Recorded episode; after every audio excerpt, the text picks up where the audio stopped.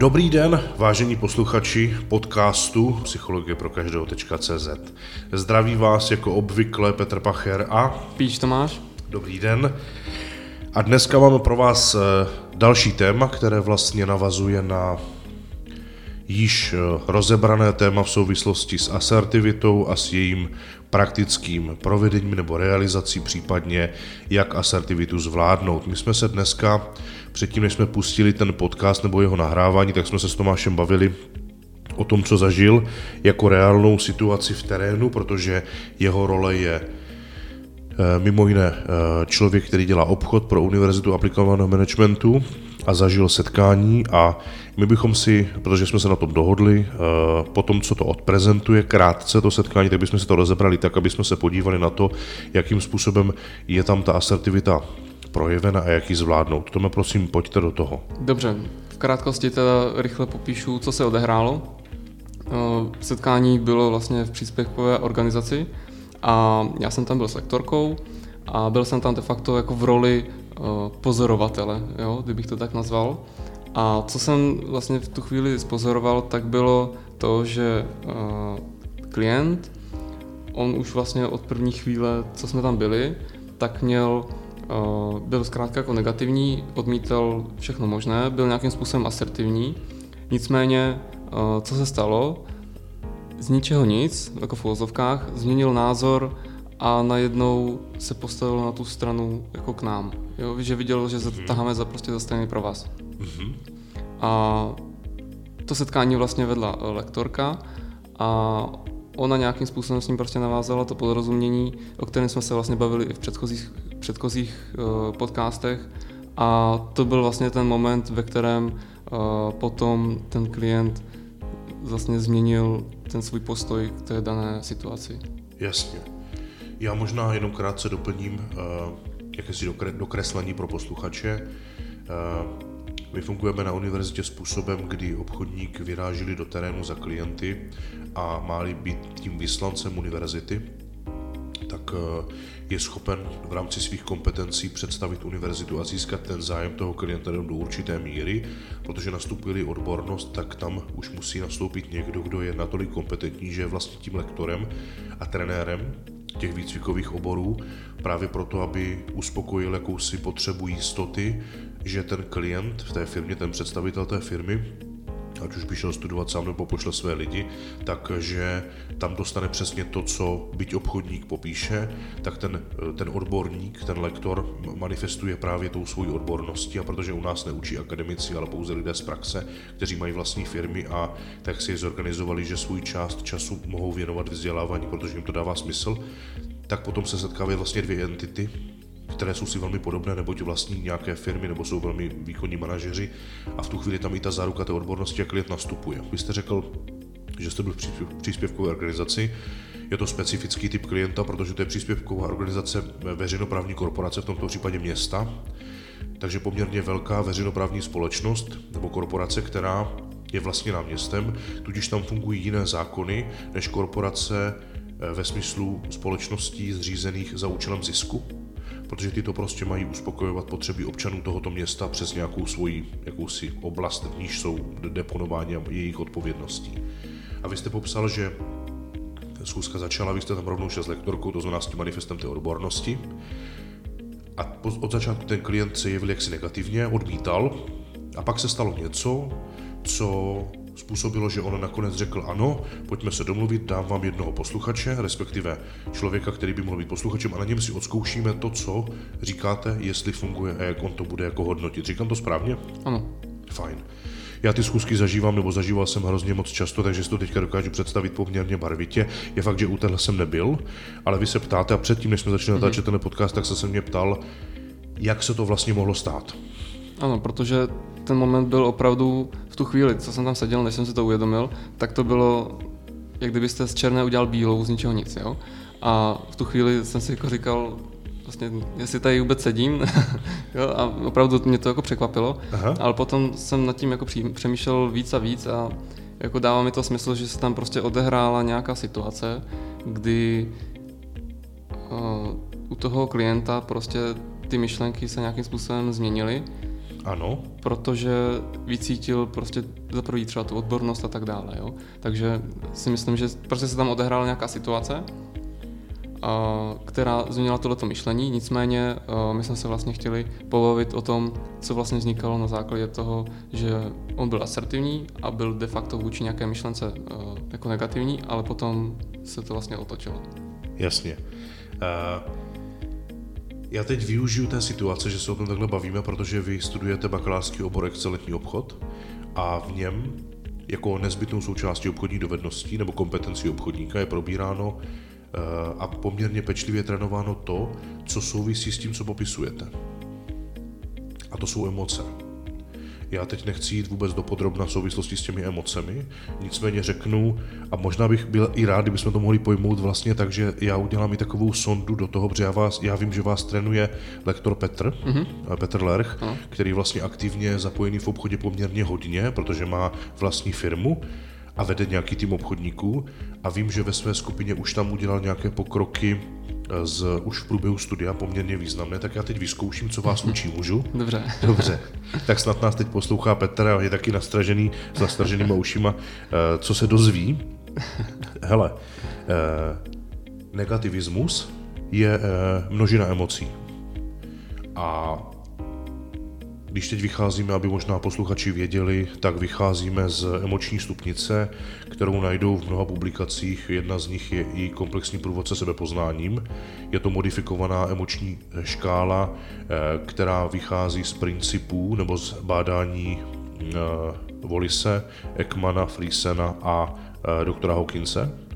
A Negativismus má svoji významnou roli, protože je spojen s nějakou konkrétní potřebou. Vzpomenete si na to, jaká potřeba spojuje ten negativismus? Popravdě teďka s potřebou ne, ale pamatuju si, uh, jaký, jakým způsobem ji zvládat.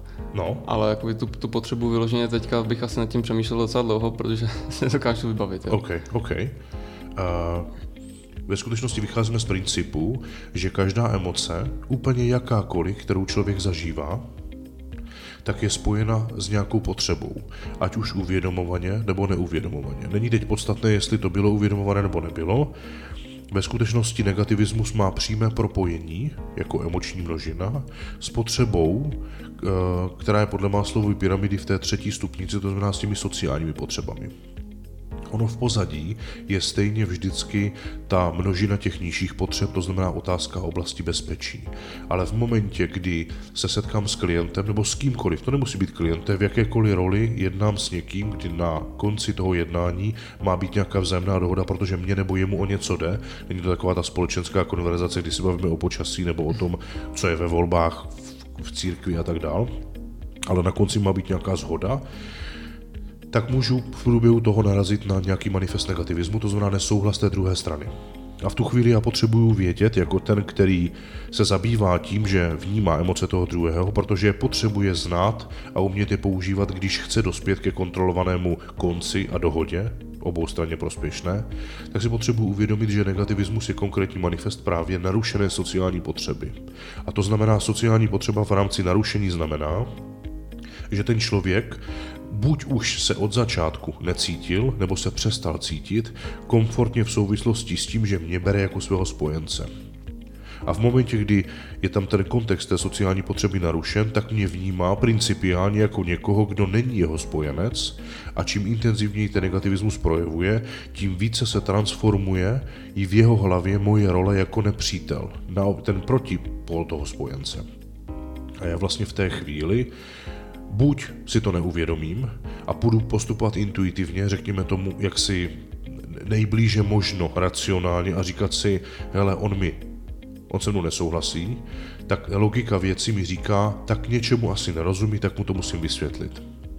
Ale protože negativismus je mimo oblast racionální množiny emocí, tak na něj nemůžu uplatnit techniky racionality, ale potřebuji se zabývat tím, jak na něj působit a jak s ním hovořit, abych ten negativismus rozpustil. A teď není podstatné, jestli vznikla racionálně nebo iracionálně, podstatné nebo klíčové je, že tady je a velmi pravděpodobně ten, kdo jej má, tak si jej neuvědomuje.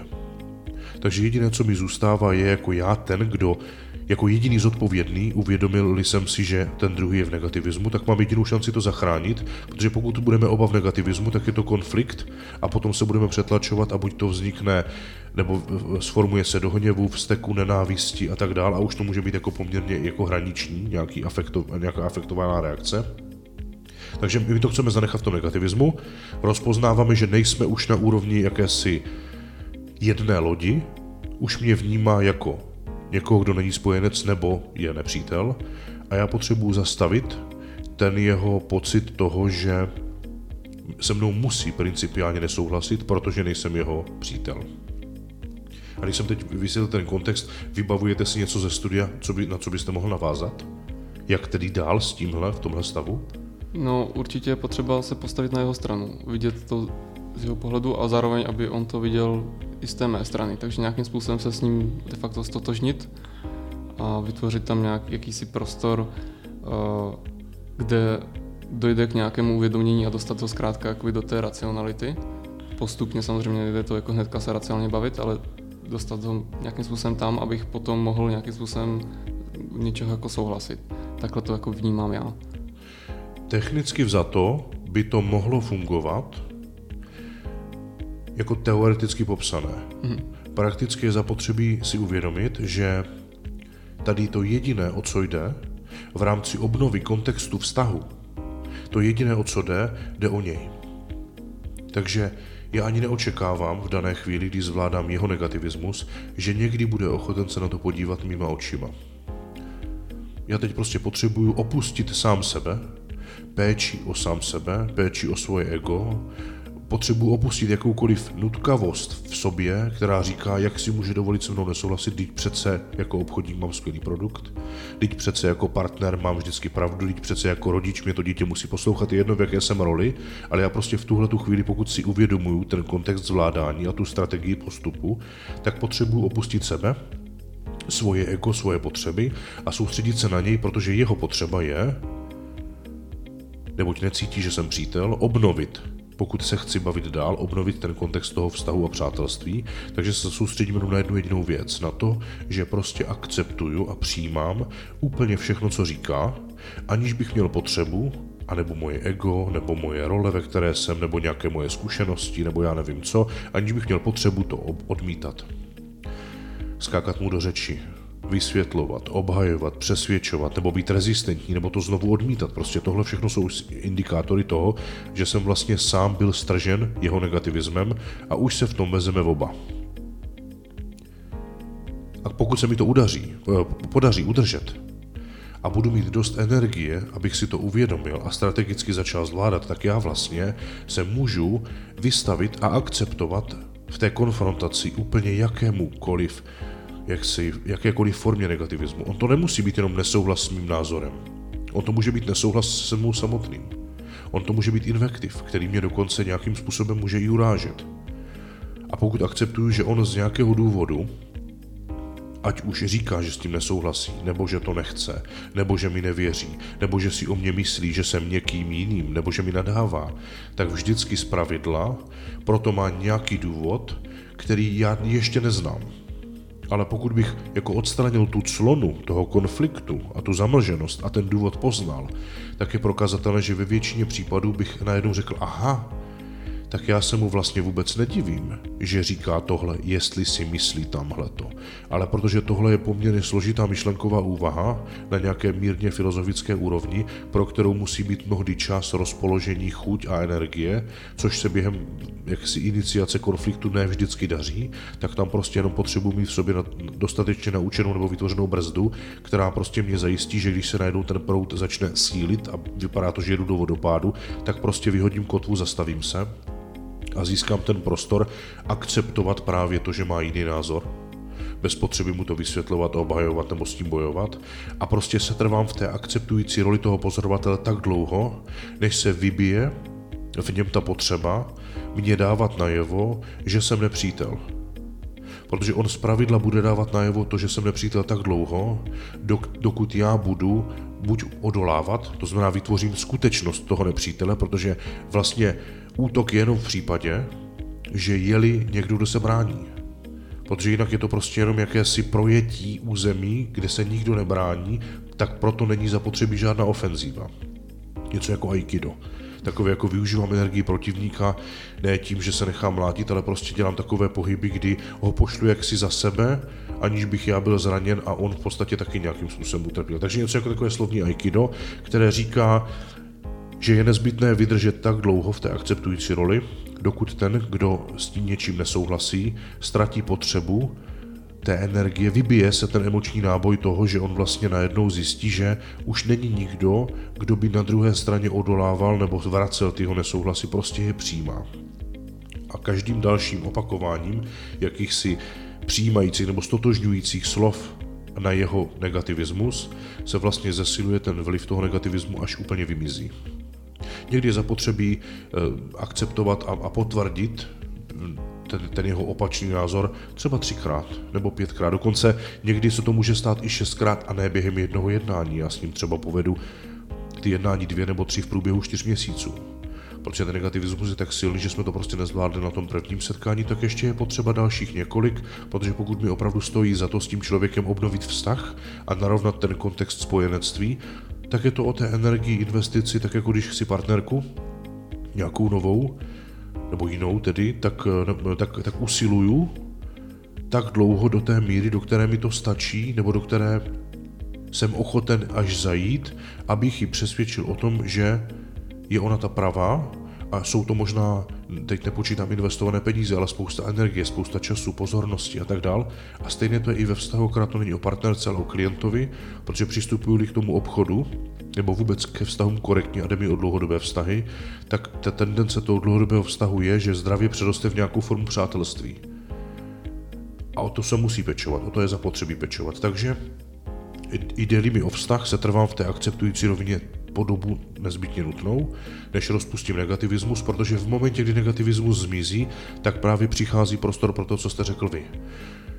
Protože už tam není v něm žádný negativní náboj a já si můžu dovolit zkusit se zeptat, po tom, co jsem xkrát slyšel a přijal jeho nesouhlas, zeptat na to, jestli je ochoten to vidět i z mojí strany. A nebo jestli si myslím správně, že on to vidí takto. A najednou po rozpuštění negativismu se můžu začít snažit velmi měkce našlapujíc o tu korektní konverzaci, která vlastně může obnovit tu tendenci bavit se jako spojenci. Já to, když máme výuku, tak to přirovnávám k tomu, že negativismus je vlastně situace, kdy člověk začne cítit, že se mu jeho komfortní zóna stává těsnější, protože na ní přichází nějaký útok.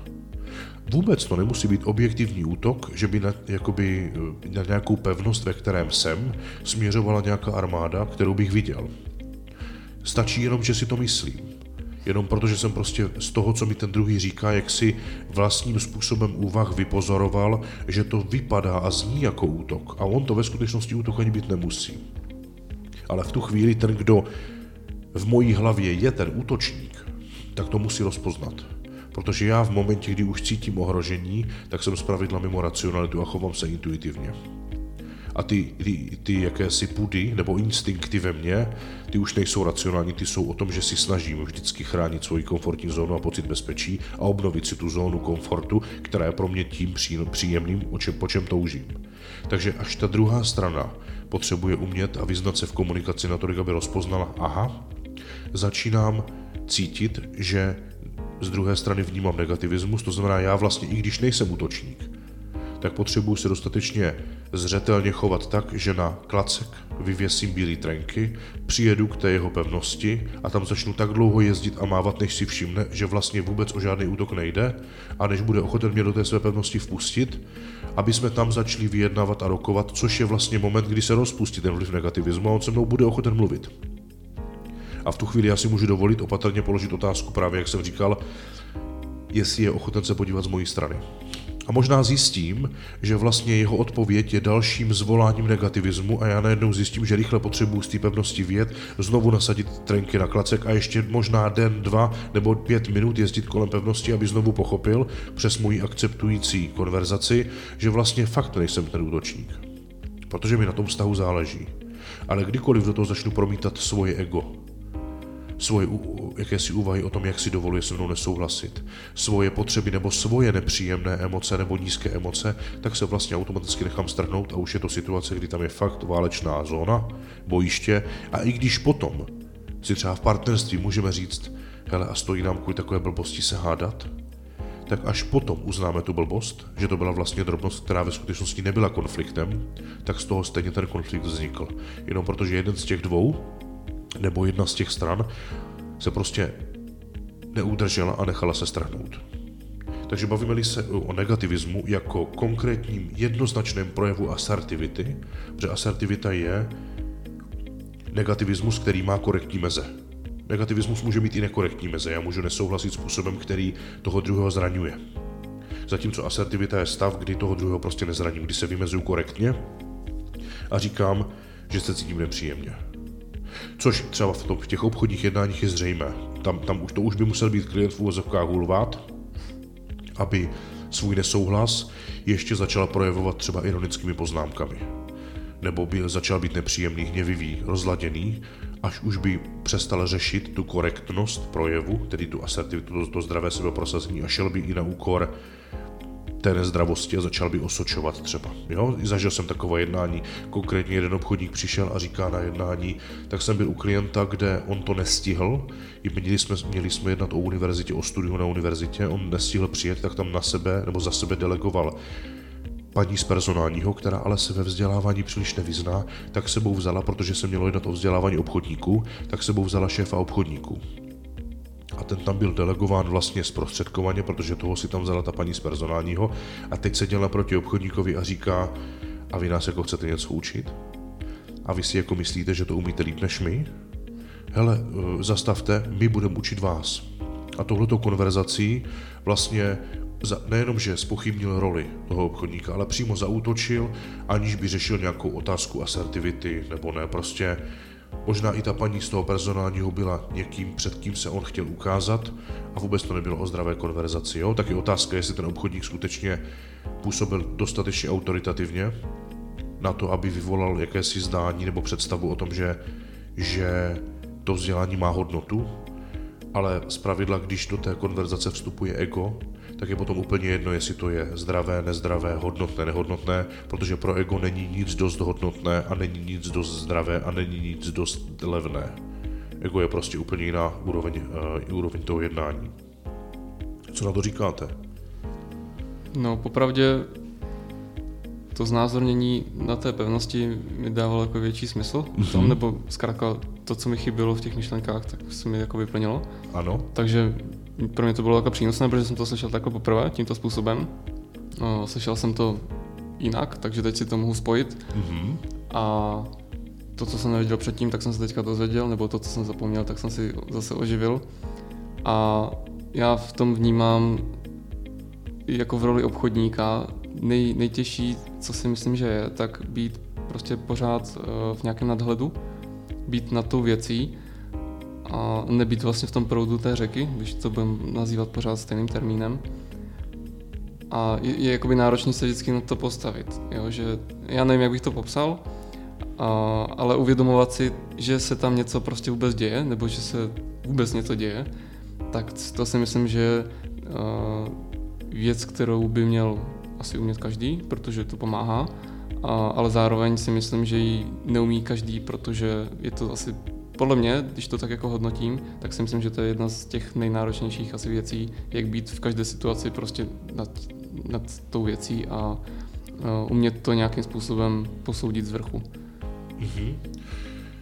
V podstatě máte pravdu. Vlastně vy se vracíte znovu k tomu tématu identita, k tomu silná, zdravá, kompetentní identita, která i když vstoupí do role, kterou neovládá, tak se v ní umí cítit dobře, protože se nenechá zranit. Jsou situace, kdy já často slýchávám od klientů z různých oborů, že nejča- nejnáročnější práce je práce s lidmi. A že manažeři ve firmách úplně vítají moment, kdy si o víkendu mohou na zahradě opravit plot, zrít zahradu, protože prostě vezmou do ruky nástroj, něco, co je, je jakýmsi pomocníkem v práci, ale ten nemůže zranit. Ve smyslu, rýč vám neřekne, že vypadám špatně. Plot vám neřekne, že bych měl něco dělat lépe. To znamená, jsou to věci, které já používám, dávám jim nějaký směr, nějaký účel, nějakou, nějakou hodnotu a potom se dívám na ten výsledek a potom si mnohdy říkají ti lidé, říkají, hele, já vlastně závidím těm, co kopou silnice, protože oni začnou v 6, v 7 ráno, skončí ve 2, ve 3 a jdou domů s čistou hlavou. Ve skutečnosti to, po čem volá jejich identita, je po kompetentnosti, po, po způsobilosti být takto úspěšný a mít takto čistou hlavu i v rolích, kde na druhé straně nejsou věci, které nezraňují, ale lidé, které mohou přivodit nějaké zranění. A to jenom proto, že moje identita není dost silná na to, aby si ty věci nebrala osobně. A mnohdy potom po x hodinách, možná i méně hodinách, než kdybych pracoval těch 8 hodin s tím krumpáčem, tak možná dělám 6 hodin práci s lidmi a já jsem mnohem víc unavenější a, a, a slabší a, a rozladěnější, než samozřejmě ten, kdo jde po té 6-hodinové eh, nebo 8-hodinové směně práce s rýčem. A je to jenom proto, že eh, neumím komunikovat a nejsem způsobilý provádět eh, rozhovory takovým způsobem, abych si věci nebral osobně. Abych se nenechával zraňovat, protože ti lidé spíš hovoří o sobě než o mně, byť to zní, jakože vlastně nadávají mě. Že oni hovoří o svých světech, o svých životech, o svých identitách a svých představách a já to prostě jsem se nenaučil přijmout způsobem, který mě nezraňuje, který mě nestahuje a umím si vlastně permanentně zachovávat roli pozorovatele, protože jsem zjistil, že to je moje role a pak musím formulovat, hele, musím se naučit být pozorovatel, ve skutečnosti já bych se jim měl stát a měl bych jim být vždy. Protože v tu chvíli potom jsem schopen chodit s čistou hlavou i po 6, 8 nebo 10 hodinách práce s lidmi, obohatím je, protože mám úplně jiný náhled jako pozorovatel a můžu jim pomoct s uvědoměním, můžu jim pomoct s perspektivou, s úhlem pohledu, protože nejsem vtažen a nezraním ani sebe, protože potom nepřicházím domů, kde vlastně mám úplně jiný soubor rolí, ale pokud si z nich nebo do nich nesu z těch předchozích pracovních nějaké obtíže, nevyřčené myšlenky, úvahy, obavy, limitující přesvědčení a tak dál, tak pak zraňuju ty role doma. A manželku, dítě a v některých rodinách to odnese pes nebo děda. A v tu chvíli je prostě problém, protože tam už se těžko vysvětluje, že jsem měl špatný den, zvlášť v situaci, kdy oni mají svoje očekávání, možná se na mě těší celý den a ty dostanou takovou pecku, a ještě navíc, já to možná ukomunikuji jednou, po druhé nebo po třetí, a když se to stává měsíce, roky, tak potom se vlastně bortí celý ten mechanismus očekávání a rolí a já potom vlastně nevím, kým jsem a potom se vlastně ten koloběh stává ne kruhem, ale spirálou, protože já z práce chodím zraňovat domů a z domu chodím zraňovat do práce a pak najednou se ten proces celý zrychluje. Já vlastně ani nemám čas se ozdravit a stát se tím pozorovatelem, a právě proto je potřeba provádět rozvoj, ať už osobnostní nebo profesní, aby se tyhle situace, jejich množství zmenšovalo, průběh se jak si stával hladším, až prostě vymizel. Přátelé a posluchači, děkujeme vám moc za pozornost. Věříme, že jsme vás povzbudili, některé možná inspirovali a že jsme vám aspoň v něčem pomohli. Děkujeme za pozornost, těšíme se na další uh, poslech našich podcastů a přejeme vám, mějte hezký den. Zdraví vás Petr Pacher a Píč Tomáš.